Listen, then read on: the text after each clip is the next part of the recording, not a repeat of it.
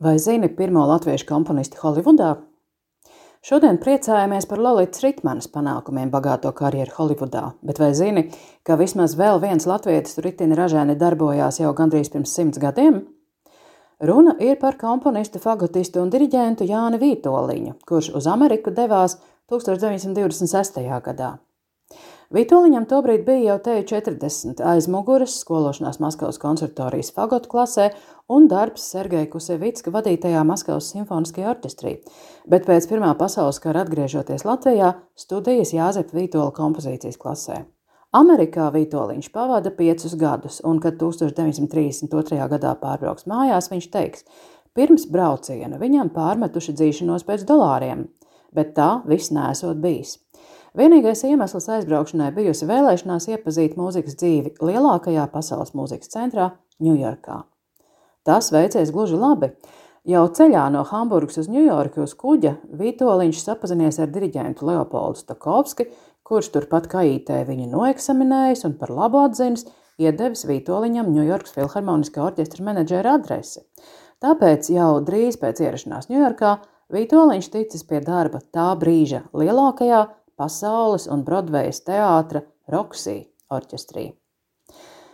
Atgriezies Latvijā, viņš koleģiāli dalīsies jauniegūtajā pieredzē. Vairākos mēnešus raksta Latvijas mūziķis 1932. un 33. gada numuros, stāstīdams par dažne dažādiem Amerikas mūzikas dzīves aspektiem.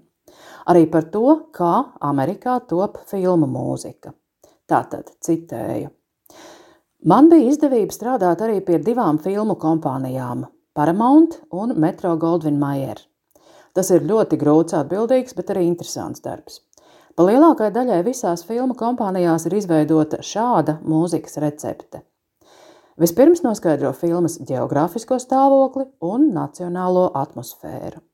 Tad katram galvenam aktieram iemieso piemēroto tēmu.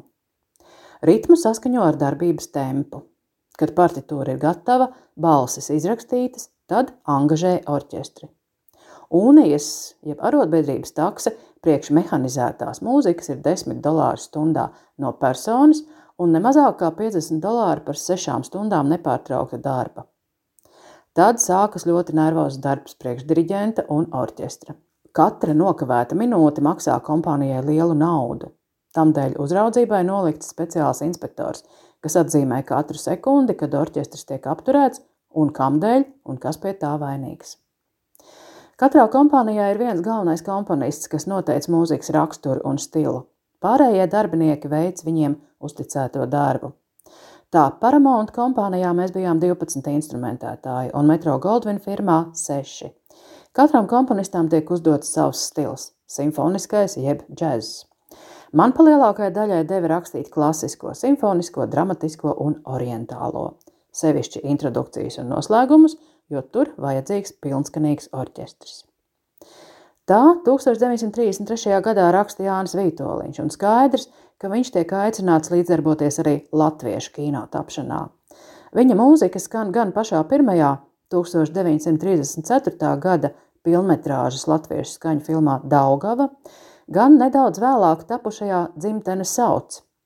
Volgāns Dārziņš par to raksta. Noskatoties, vai labāk sakot, noklausoties dzimtenes sauc izrādē, taisni viņas muzikālā puse visādā ziņā jāatzīst par vienu no vislaimīgākām. Lūk, darba lauks, kurā komponists un triģents Jānis Vītoliņš ir īsti savā vietā. Amerikā pavadītie gadi redzams nav pagājuši bez savas svētības. Vītoliņš prot filmā ātri orientēties, veikli žonglēt ar iztrūkstošām vai pāri paliekošām laika sekundēm, pašā mūzikā ar vienu nokrist, kā mēdz teikt, uz visām četrām. Pieminējis arī suitu dziedātājus, Valgāns Dārziņš saka, tie filmai devuši sava novada skaistākās melodijas. Tad, nu, šo nelielo stāstu par vienu latvieti Amerikā noslēgsim ar Jāņa Vītoliņa komponēto suitu danci Induļa un Ilgas sūnu ierakstā.